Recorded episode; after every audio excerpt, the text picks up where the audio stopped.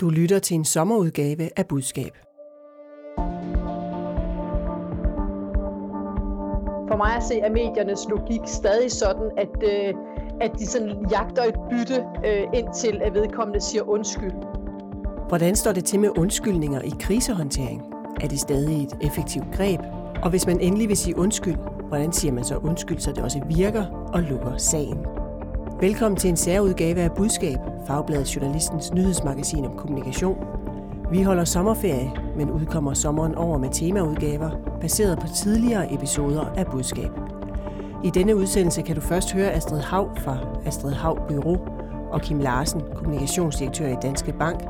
De diskuterer undskyldningen fra SOS International, efter forholdene om deres coronakviktest havde fået stærk kritik. Klippet er fra 11. februar, hvor vi optog via Skype på grund af corona. Mit navn er Line Erndlund. Astrid Haug, har du som øh, rådgiver anbefalet nogen at sige undskyld? Ja, det har jeg øh, gjort mange gange. okay. Øh, det har jeg, men, og det er ikke altid, det råd er blevet, blevet fuldt, men, øh, men jeg har jo baggrund i, i det politiske, og, øh, og der kommer man rigtig langt med en undskyldning. I hvert fald, hvis man gerne vil have pressens opmærksomhed til at gå væk igen. Det vender vi tilbage til. Du er selvstændig og mangeårig rådgiver og jo ekspert i sociale medier. Velkommen til. Og så kan jeg måske meget passende sige, at øh, du er også med på Skype i den her omgang på grund af corona, så kan vi ikke sidde sammen herinde i studiet. Kim Larsen, du er dagens anden gæst øh, og ekspert. Er et undskyld stadig det stærkeste kommunikationsmiddel i kriser? Nej, altså jeg tror, at øh, den der sådan lidt traditionelle tekstbogsfasong, der har været til krisekommunikation, som altid startede med et undskyld, det tror jeg, man skal genoverveje, om det stadigvæk gælder sådan som den offentlige debat, der sådan øh, har udviklet sig over de seneste 10 år. Interessant. Du er kommunikation- og marketingsdirektør i Danske Bank. Velkommen. Tak. Vi begynder meget passende med ugens krise. Kim, nu tog du hul på det, det her med tekstbogen, at øh, den måske i virkeligheden skal skrives om. Kan du ikke først fortælle, du har prøvet selv at krisehåndtere i Danske Bank i nogle omgange? vil jeg sige. Det er, det er måske en pæn introduktion. Hvad er det sværeste, når man står med en krise og et mediepres? Ja, tak for den introduktion. Det er korrekt. Vi har jo et par gange været ude og haft nogle sager, som vi skulle forholde os til. Og derfor så synes jeg også, du ved, jeg har gjort mig nogle erfaringer, øh, som, som får mig til at tænke, at altså det, der er det svære i en undskyldning, det er, at man skal jo først og fremmest for kun sige den, hvis man virkelig mener det. Og der har nok været en tendens til i sådan en kommunikationsrådgivnings øh, sådan grønspættebogen, og sådan, du ved, altid sige, at undskyldning kan man altid komme langt med. Så får man det til at gå væk. Øh, men dels så tror jeg ikke rigtigt, at man får noget til at gå væk længere med en undskyldning på samme måde, og dels så er det jo sådan, at sådan en undskyldning har jo altid en pris, fordi hvis man bliver, det svære er jo, at man ofte bliver bedt om at sige undskyld for noget, hvor man i virkeligheden synes, at der ikke rigtig er grund til at sige undskyld, eller hvor kompleksiteten og nuancerne er sådan, at man synes, at man gerne vil sige undskyld, men... Men hvis det lukker sagen, øh, er det så ikke fint? Jo, men, og det er det, jeg tror, der er, der er ikke rigtig nogen undskyldninger, tror jeg, som sådan lukker sager længere. Fordi der er sket noget med det, den offentlige debat. Polarisering, den måde vi alle sammen debatterer med hinanden på, er, at der er ligesom, det er meget sværere, fordi i gamle dage, altså for 10 år siden, der blev man i højere grad belønnet for at levere det, folk gerne vil have. Så forsvandt opmærksomheden, man trak ligesom friktionen ud af debatten. Men i dag så er der sådan en polariseret debat, at der hele tiden sidder nogen og prøver at misforstå hinanden med vilje. Og selv sådan en undskyldning, uanset hvor dybfølt den vil være, den vil også blive forsøgt misforstået af dem, der har en interesse i at holde fast i sagen. Så det er jo ikke det samme, som man ikke skal sige undskyld. Jeg synes jo, man skal sige undskyld, hvis man mener det, og hvis man synes, der er grund til at sige undskyld.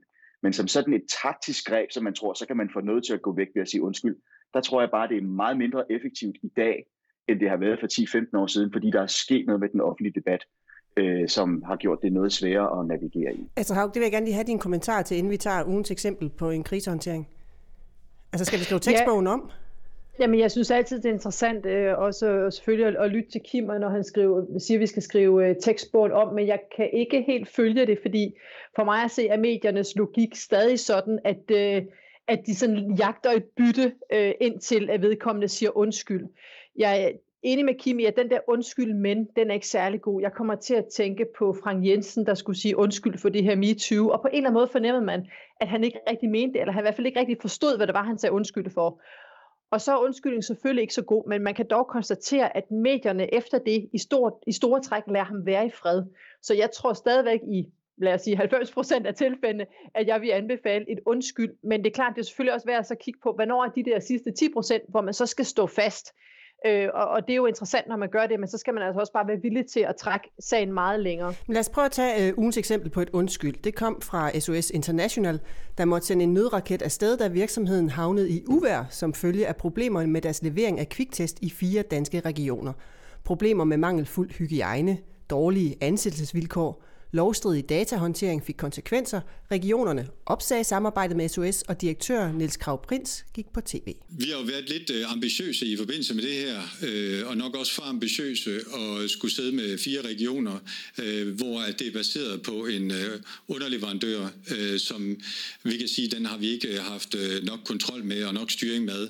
Så, så det må jeg jo bare beklage, at, at det er den situation, vi endte ud i. Ja, Kim øh, Larsen, nu bruger han ikke ordet undskyld, men han siger beklage. Er det her, hvor du synes, det er det rigtige at gøre? Altså, som sagt, så jeg, jeg tror, det er rigtigt. Altså, diskussionen om, hvornår det er rigtigt at sige undskyld, den skal starte med, om man mener det. Og det, der, det er allerede der, hvor jeg tror, at Astrid og jeg ser lidt forskelligt på det. Der er mange, der har sagt undskyld, som ikke har ment det, fordi de er blevet rådgivet til det af nogle kommunikationsfolk om, at så går det væk. Og det kan jeg godt forstå, det er en taktisk betragtning. Men undskyldning starter med, at man faktisk mener det, og man faktisk synes, der er noget at undskylde for. I det her tilfælde, der tror jeg da faktisk, at chefen her, han gerne vil sige, at han beklager det, men man kan også høre, at der er, der er tre ting, han peger på. Der er noget med en underleverandør, som muligvis nok er den, de ikke har haft styr nok på. Der er noget med, at der var fire regioner. Når han vælger at sige det, så er det jo for ligesom at sige, at det er meget svært, og han antyder, at de har ville noget forskelligt. Og så siger han også på et andet tidspunkt i sin undskyldning, det har også været en meget komprimeret proces. Så man kan jo høre, at han siger beklager, men man kan også sige, at han i virkeligheden ikke synes, det er hans ansvar. Og det gør jo, at jeg sidder tilbage med en opfattelse af, jamen, mener han det, og hvad har han lært? Hans problem er jo ikke pressen. Altså, der er jo mange, der tror, at, at, at, at krisekommunikationen, så skal man få det til at gå væk i pressen, og så har man løst opgaven. Men det er en rigtig opgave, når man står i en krise. Det er jo alle ens vigtige interessenter, andre kunder, øh, medarbejdere osv. osv. Og det, han skal stille sig selv af spørgsmål, det er jo, har den her sag bidraget til, at flere eller færre har lyst til at købe mit produkt? Og den undskyldning, jeg kommer med, bidrager den til, at folk får tillid til, at jeg har lært noget sådan, at den næste gang, jeg byder på en opgave, så har jeg tænkt mig bedre om, og så er jeg bedre i stand til at levere. Men løser, det er hovedopgaven. løser han den opgave, Astrid, synes du? Ja, det synes jeg, han gør til dels. Altså, jeg er enig med Kim i, at det er sådan en undskyldning, men der er også sådan lidt offerretorik over det. Det er i hvert fald noget, jeg altid er på udkig efter. Altså, jamen, det har været svært, det skulle også gå hurtigt, nemlig sådan lidt, det er faktisk ikke rigtig min skyld. Men han går ud og, og beklager, øhm, og, og, og, og det, der i virkeligheden er øh, Niels Kravs fordel her, det er, at han på mange måder ikke er så interessant. Han er altså for i hvert fald øh, ukendt, tror jeg, for de store, øh, store dele af offentligheden. Øh, og i sådan en sag som det her, når det er politik, så er det meget mere interessant for journalisterne øh, at gå videre, for eksempel til regionerne, eller endnu bedre, hvis man kan lande den inde hos, øh, på Christiansborg. Så på den måde, så gør han jo noget, sådan hvis vi er over i det sådan meget taktiske, øh, klogt, det ligesom at sige, at der er også nogle andre øh, aktører, der bærer et ansvar her. Og hvis jeg skulle sådan gå mere ned i den her sag, eller hvis jeg sådan måske skulle forestille mig, at jeg var journalist og skulle dække den, så ville jeg jo også kigge på det her udbud. Jamen, hvad er der egentlig gået galt i det her udbud? Og, og det taler jo ind i en lidt større øh, diskussion om, om hele den her øh, udbudsmodel, hvor man jo, øh, hvor sådan noget som pris ofte øh, vægtes øh, rigtig højt. Så for mig at se, er det en lidt mere interessant historie, end netop om hvorvidt Niels Krav, han reelt mener sin undskyldning eller ej. Og, og det tror jeg i den her situation er til hans øh, fordel. Og så vidt jeg kan se ud af historien, så har de jo fået lov til at beholde øh, Region Hovedstaden, så, så helt ude i kulden er de jo altså ikke øh, SOS. Men Kim, jeg kan ikke lade være med at trække, på, jeg, jeg kan ikke lade være med at trække på din erfaring. Så nu sidder du i Danske Bank, og som du sagde, I har håndteret et, et par kriser, og som jeg husker det, så, så sagde I ikke undskyld med det samme i den seneste sag om ulovlig gældsinddrivelse. Øhm, har det været svært at sige undskyld som Danmarks største bank? Vil nogen måske sidde og tænke derude, når de også hører dig tale ja, her? Nej. Nej, jeg, nej, jeg tror, at det er ikke svært for os at sige undskyld. Øh, men det, der er svært, det er, øh, og det, jeg synes også, at den sag med, med SOS der illustrerer på ingen, jeg skal nok komme tilbage til Danske Bank, men det er, hvis nu den her øh, CEO, han skulle have leveret en klokkeren undskyldning, og hvis man siger, at succeskriteriet var, at medierne accepterede hans undskyldning, så kunne han jo bare sige, det undskylder jeg, det er mit ansvar. Når han ikke gør det, så er det jo fordi, det har en anden pris. Og den pris er, at han går på kompromis med det, han faktisk synes. Han synes faktisk, at der er noget i den her situation, som gør, at, at de ikke kunne komme et andet sted hen, eller der var en grund til, at de ikke lykkedes. Og det har han behov for at få sagt. Og det er, så er min pointe. Hvis man er drevet af taktiske hensyn til Hvordan får man pressen til at interessere sig for noget andet? Hvordan står man klokkeren, så alle dem på Twitter og alle kommentatorerne og alle synes, at man ikke er politisk tonedøv, men man siger det, folk gerne vil høre, så har det altid en pris. Og den pris er, at man går på kompromis med det, man selv synes, med det, der er rigtigt, med ens integritet. Og det er derfor tilbage til den der diskussion om, er undskyldningen altid det rigtige greb? Der er det min pointe, at hvis man skal levere det, som pressen og eksperterne gerne vil have, så betaler man ofte en høj pris i form af at acceptere en manglende nuance, manglende kompleksitet, manglende forståelse for konteksten, som er baggrund for, at de her kriser de opstår. Og der tror jeg bare, at det har ændret sig over de seneste 10 år. Så for Danske Bank er det ikke svært at sige undskyld, når vi faktisk synes, der er noget at sige undskyld for. Men nogle gange er der en opfattelse af, at vi skal sige undskyld for noget, hvor vi faktisk ikke synes, vi skal gøre det. Og så er det klart, at hvis vi så skulle tilfredsstille kommentatorerne eller du er analytikerne, så skulle vi bare sige det. Men det er jo at gå på kompromis med sin integritet, og det øger jo ikke ens troværdighed over for de andre stakeholders, som faktisk gerne vil have, at man siger det, man mener. Og det er derfor, jeg mener, at der er sket nogle ændringer med den offentlige debat over de sidste 10 år, som gør det her meget mere kompliceret end bare at sige undskyld. Altså det er jo en rigtig interessant debat, det her med, at man skal til at skrive øh, tekstbogen om, og Kim, det kan du så lave et oplæg til, hvordan sådan en tekstbog skal lyde. Men jeg skal lige prøve at se et, et andet eksempel på krisekommunikation i nyere tid, for vi skal en måned tilbage til den aften, da Jesdorf Petersen gik til modangreb, efter TV2 tog ham af skærmen på grund af MeToo. Han kunne ikke genkende billedet af, at han for 20 år siden skulle have krænket to unge praktikanter, og han synes hele processen havde været dybt uretfærdig. Grunden til, at jeg er gået ud med det her, er, at fordi jeg føler mig simpelthen forkert behandlet. Altså, der er nok nogle mange, der vil blive sure, når jeg siger, eller synes, være lidt uenig, når jeg siger, at jeg er faktisk også blevet krænket. Jeg er blevet krænket af den undersøgelse, som har vendt og drejet argumenterne og gjort det her til en sag, der stempler mig som krænker. Kim Larsen, her er jo en mand, der går til modangreb. Øh, er det det, du skal have med i din tekstbog? Altså, er det sådan her, man skal håndtere det? Nej, men igen, for mig der starter det med, hvad synes man faktisk er rigtigt? Og Jens Storff, han føler sig helt oprigtigt uretfærdigt behandlet. Det har jeg to betragtninger om. Den ene er, der sker jo tit det for mediepersoner, som i overvis har levet af at være en del af den der maskine, som spytter de her fortællinger om skurke og helte ud, at når de selv kommer igennem, så får de pludselig et lidt mere nuanceret perspektivrigt perspektiv på det. Det er den ene betragtning. Den anden betragtning er, at Storff skal jo gøre det, han synes er det rigtige. Og det igen, der illustrerer min pointe, synes jeg. Hvis han skulle gøre det, som kommentatorerne og eksperterne ville have, så skulle han gå ud og lægge hovedet i de rigtige folder, og så skulle han sige undskyld. Også selvom han i virkeligheden ikke synes, at det er det rigtige. Og det kan godt være, at det ville have fået mediedækningen til at gå væk. Men er det det rigtige? Øger det hans troværdighed hos dem, der kender ham? Øh, går han for meget på kompromis med sin egen integritet, hvis han bare leverer det, mediemaskinen vil have? Og fordi mediemaskinen er blevet værre og vildere og mere glubende, øh, end den har været tidligere, så tror jeg, at prisen for at gøre det, der skal til for, at det går væk, den er højere i dag, end var for 10 år siden. Og derfor så synes jeg, at Jesdorf, han skal gøre det, Jesdorf synes er rigtigt. Også må basere sig på en forventning om, at vi selvfølgelig kan have en debat om nuancerne, også i MeToo-sagen. Altså, nu sagde du indledningsvis, at du har rådgivet nogen til at sige undskyld. Der er nogen, der har fulgt det råd, der er også nogen, der ikke har fulgt det råd. Øh, dem, der så ikke har fulgt det råd, hvordan gik det dem, hvis vi også tænker på det, som Kim siger her med, at man skal være tro mod sig selv? Jamen, det, det, det er et meget godt spørgsmål. Jeg har heldigvis den der meget gode evne til at sådan, jeg ligger, jeg ligger tingene bag mig, når jeg ligesom er, er færdig, men, men noget af det, jeg i hvert fald synes, der er svært, når man arbejder som, som rådgiver, som, som Kim jo stadig gør, jeg, jeg gør sådan øh, som, som selvstændig, det er det her med at få folk, øh, måske politikere eller topchefer, til at indse, at de måske har begået en fejl, eller det, de har gjort, i hvert fald i offentlighedens øh, øh, hvad hedder det, øh, syn på dem, er en fejl. Så det der med at få dem til at komme frem til den erkendelse, at det, de har gjort, øh, bliver opfattet på en anden måde, end det, de selv opfatter, det synes jeg er, er super svært. Fordi ofte vil, vil de jo sige, jamen vi havde jo ikke, jeg havde jo ikke nogen øh, negative intentioner, jeg gjorde det i den bedste hensigt, og jeg spurgte bare lige nogle, nogle venner, om de ikke kunne hjælpe, øh, eller hvad det nu var, øh, man, har, man har rodet sig ud i. Så det der med at bringe dem derhen, så de faktisk er, sådan øh, up to speed med, med, med offentlighedens øh, opfattelse af de her ting. Og hvis man skulle lave øh, samling til, til Jes Dorf, så, så har tingene jo også ændret sig i offentligheden øh, i forhold til netop, hvad man kan i dag, og, og, og hvad der bliver betragtet som, øh, som, som øh, en ansvarlig måde at være på en arbejdsplads på.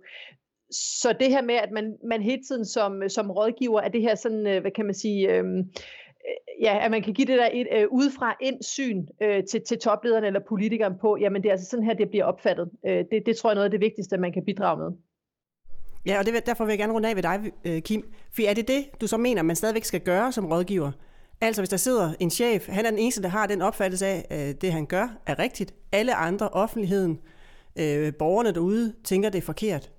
Det kunne også være, Skal den mand sige undskyld? Det kunne også være en kvinde jo. Vi lever jo trods alt ja, i det kunne det 2021. øh, nej, men jeg vil sige, jeg er enig med Astrid i, at det at have et eksternt perspektiv, det er jo enormt vigtigt. Og enhver organisation, det gælder min, det gælder alle mulige andre organisationer, kan komme til at bekræfte sig selv og blive sådan en, øh, en egen boble og glemme, øh, hvad det er for en kontekst, man er en del af. Så det er jeg enig i, det er en del af vores, øh, vores arbejde. Jeg plejer jo at sige om mit eget job, at jeg bruger 80% af min tid på at kommunikere verden ind i banken, og de sidste 20% på at kommunikere banken ud i verden. Så enig. Men der, hvor jeg synes, man skal, det er god kommunikation. Hvad er succeskriteriet for god kommunikation? Er succeskriteriet for god kommunikation, at ting går væk, og at mediedækningen forsvinder? Eller er succeskriteriet for god kommunikation, at man gør, hvad man kan for at få faciliteret en eller anden fælles forståelse mellem folk, der kommer forskellige steder fra? Og det tror jeg, der tror jeg, i historisk har vi været for optaget af at få ting til at gå væk. Og jeg tror, vi skal som kommunikationsfolk skal vi blive meget bedre til at acceptere og forstå, at vores opgave er først og fremmest at facilitere en fælles meningsdannelse, en fælles forståelse, en fælles referenceramme. Og det hænger også sammen med, at den største problem, som jeg ser, vi står overfor, det er den der polarisering i den offentlige debat. Og den gør os ud af stand til at løse alle mulige andre kriser. Og alle, der bidrager til den offentlige debat, synes jeg har et ansvar for at bidrage til at forsøge at skabe fælles forståelse. Og det kræver, at man ikke bare stiller sig op og siger det, folk gerne vil høre, hvis man ikke mener det. Og Kim, jeg glæder mig til at læse din nye tekstbog om krisekommunikation. Vi skal videre til dagens andet emne. Og her til sidst kan du nu høre Michael Baden, direktør i Friday, og Martin Witt Ankerstjerne, direktør og partner hos Advice. De drøfter undskyldningen fra tennisspilleren Holger Rune, der kom med homofobiske tilråb under en tenniskamp. Afsnittet er fra 10. juni. Vi begynder med en krise for den danske tennisspiller Holger Rune. Han kom i denne uge i fokus for andet end bare sit spil, da han spillede semifinale i en Challenger-turnering. Holger Rune var frustreret undervejs i kampen, og det gav anledning til en række homofobiske udbrud. Din kursespiller, mand! Du kan kræfte mig noget selv. Du bare spiller bøsserøv.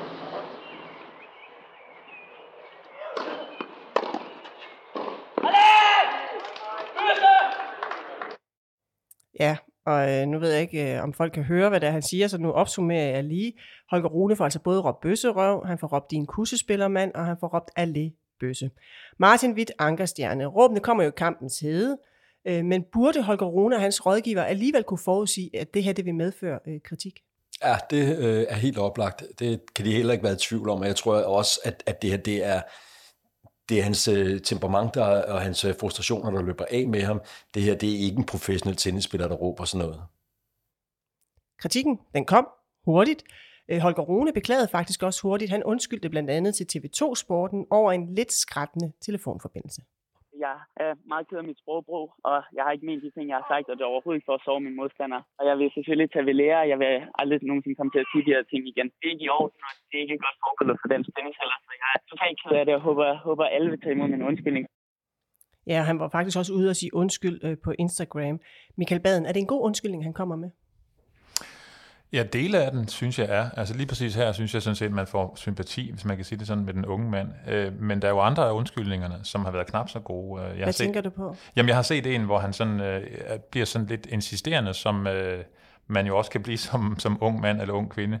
Jeg har undskyldt mit ordvalg. Kom videre øh, har han også været ude at skrive, fordi han er blevet frustreret over, at den første undskyldning, så at sige, ikke øh, lagde øh, sagen død. Og, og der må man bare sige, der er han jo slet, slet ikke i den position, at han ligesom kan sige til folk, kom nu videre. Så bagatelliserer han det i unødig grad. Du nikker, Martin.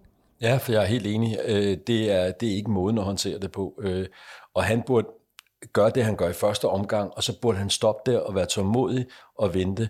Men det tyder jo også på, altså han er, han er en dygtig tennisspiller, men han er jo ikke nødvendigvis en dygtig kommunikator, så han trænger måske til at få noget rådgivning øh, i sådan en situation her. Og der har dem, der har været øh, hans øh, hjælpere, øh, dem der er på siden af ham, trænerne osv., de har ikke været professionelle nok til at rådgive ham her. Men hvis han bare havde ladet den første undskyldning stå, havde det så været fint, Michael? Det har i hvert fald været bedre. Jeg synes, jeg er enig med Martin i. Altså nu, nu ved vi jo ikke præcis, hvad der er sket. Altså, man kan også lave det tankeeksperiment. Hvad ville der være sket, hvis ikke det her var blevet taget, optaget på bånd øh, og så delt? Og, og der er jo til synligheden en eller anden form for svigt i apparatet omkring ham, fordi jeg er da meget interesseret i at vide, igen, hvis ikke det her var blevet optaget, var der så nogen, der havde øh, sagt til ham bagefter, hans trænere eller andre omkring ham, der har sagt, prøv at høre, øh, Holger, det her, det er simpelthen, det dur ikke, du gør det her. Øh, det ved jeg ikke, øh, men, men der ligger jo et svigt. Det er jo ikke som sådan. Selvfølgelig er man ansvarlig, når man er 18 år gammel, men, men, men det er holdet omkring ham, der har svigtet. Øh, en af dem, der er omkring ham, det er jo hans mor. Øh, vi har været i kontakt med hende her på budskab via mail. Hun ønsker ikke at kommentere yderligere, men skriver til os. Han var oprigtig ked af, hvis han havde såret nogen. Det var selv sagt på ingen måde hans intention. Der er ikke mere at sige i den sag. Der vil altid være folk, der ikke synes, det er godt nok. Det kan vi ikke ændre på, uanset hvor eller til hvad Holger stillede op til efterfølgende. Martin Witt, kan hun ikke have ret i det? At, at det, selvom han siger undskyld, så er det måske bare ikke godt nok for nogen? Der vil altid være en kritik, som vil øh, løbe i et stykke tid. Altså noget. Øh, der vil også være nogen, der ikke har opdaget undskyldningen. De skal væbne sig med tålmodighed og lade den undskyldning virke. Øh, og ikke gå hen og blive frustreret over, at historien ikke bare lægger sig sådan ned lynhurtigt efter, at han har sagt undskyld. Men hvad kan vi lære? Altså Holger Rune siger så, at han har lært noget af den her sag. Han siger, at han ikke vil gøre det igen. ATP har indledt en sag, altså øh, tennisforbundet, så, så vi ved jo ikke, om der kommer en eller anden konsekvens af det. Men Michael Baden, du lever af blandt andet at rådgive øh, talspersoner i, hvordan man skal tale. Der er jo også sportsfolk, der har rådgiver. Der er jo noget, der tyder på det private rum. Altså det, han opfatter som et privat rum omkring tennisbanen, det er blevet et offentligt rum, fordi der er lyd og mobiltelefoner alt muligt, alle mulige steder. Hvad, hvordan lyder din rådgivning til typer som Holger Rune?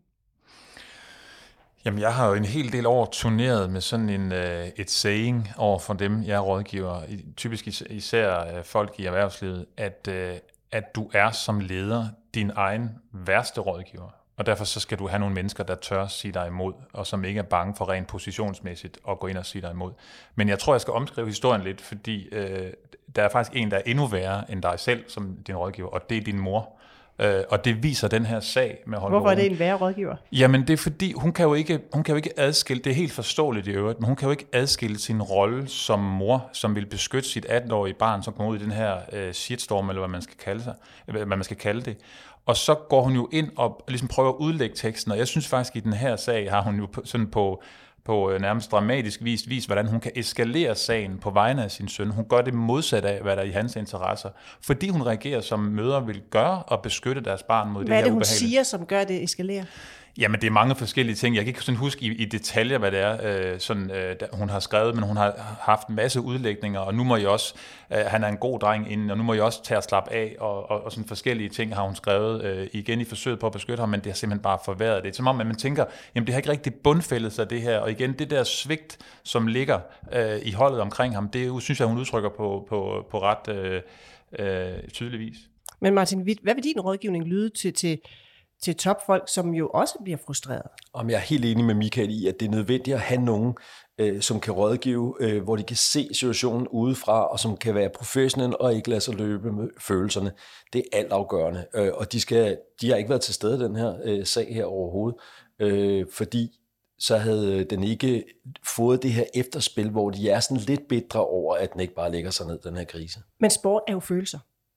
Så, så kan du rådgive en Holger Rune til at, at styre sin råb øh, inde på banen. Altså nu har han jo så sagt, at han ikke vil råbe øh, bøsserøv igen, men råbe noget andet, som nogen som måske vil blive krænket over på et eller andet tidspunkt?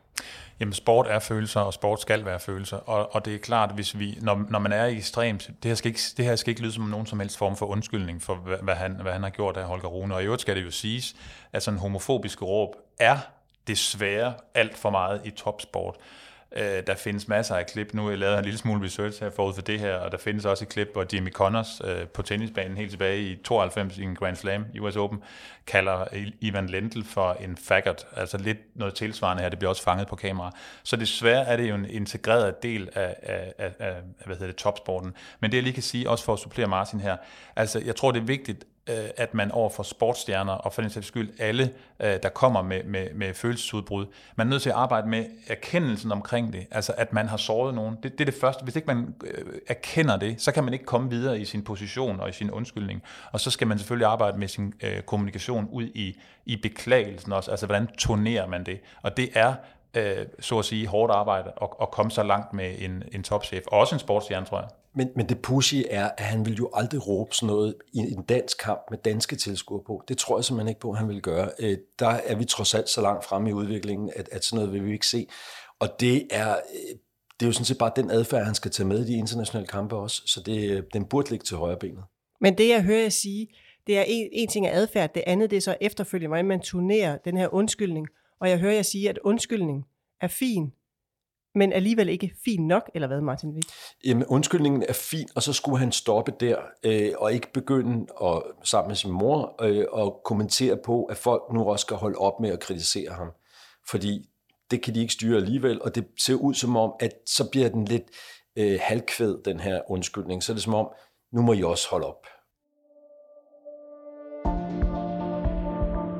Du lyttede til en sommerudgave af Budskab, en podcast skabt af Fagbladet Journalisten. Redaktør er Marie Nyhus. Rakkerpark Productions står for lyd og teknik. I denne særudgave har du hørt klip fra TV2, DR og YouTube. Du kan abonnere på vores podcast. Giv den meget gerne en anmeldelse på din vej. Vi udkommer igen næste uge med endnu en særudgave og er tilbage med nye udsendelser fra 12. august. Mit navn er Line Arnlund. Og husk, ord er ikke bare ord. Tilsammen udgør de dit budskab.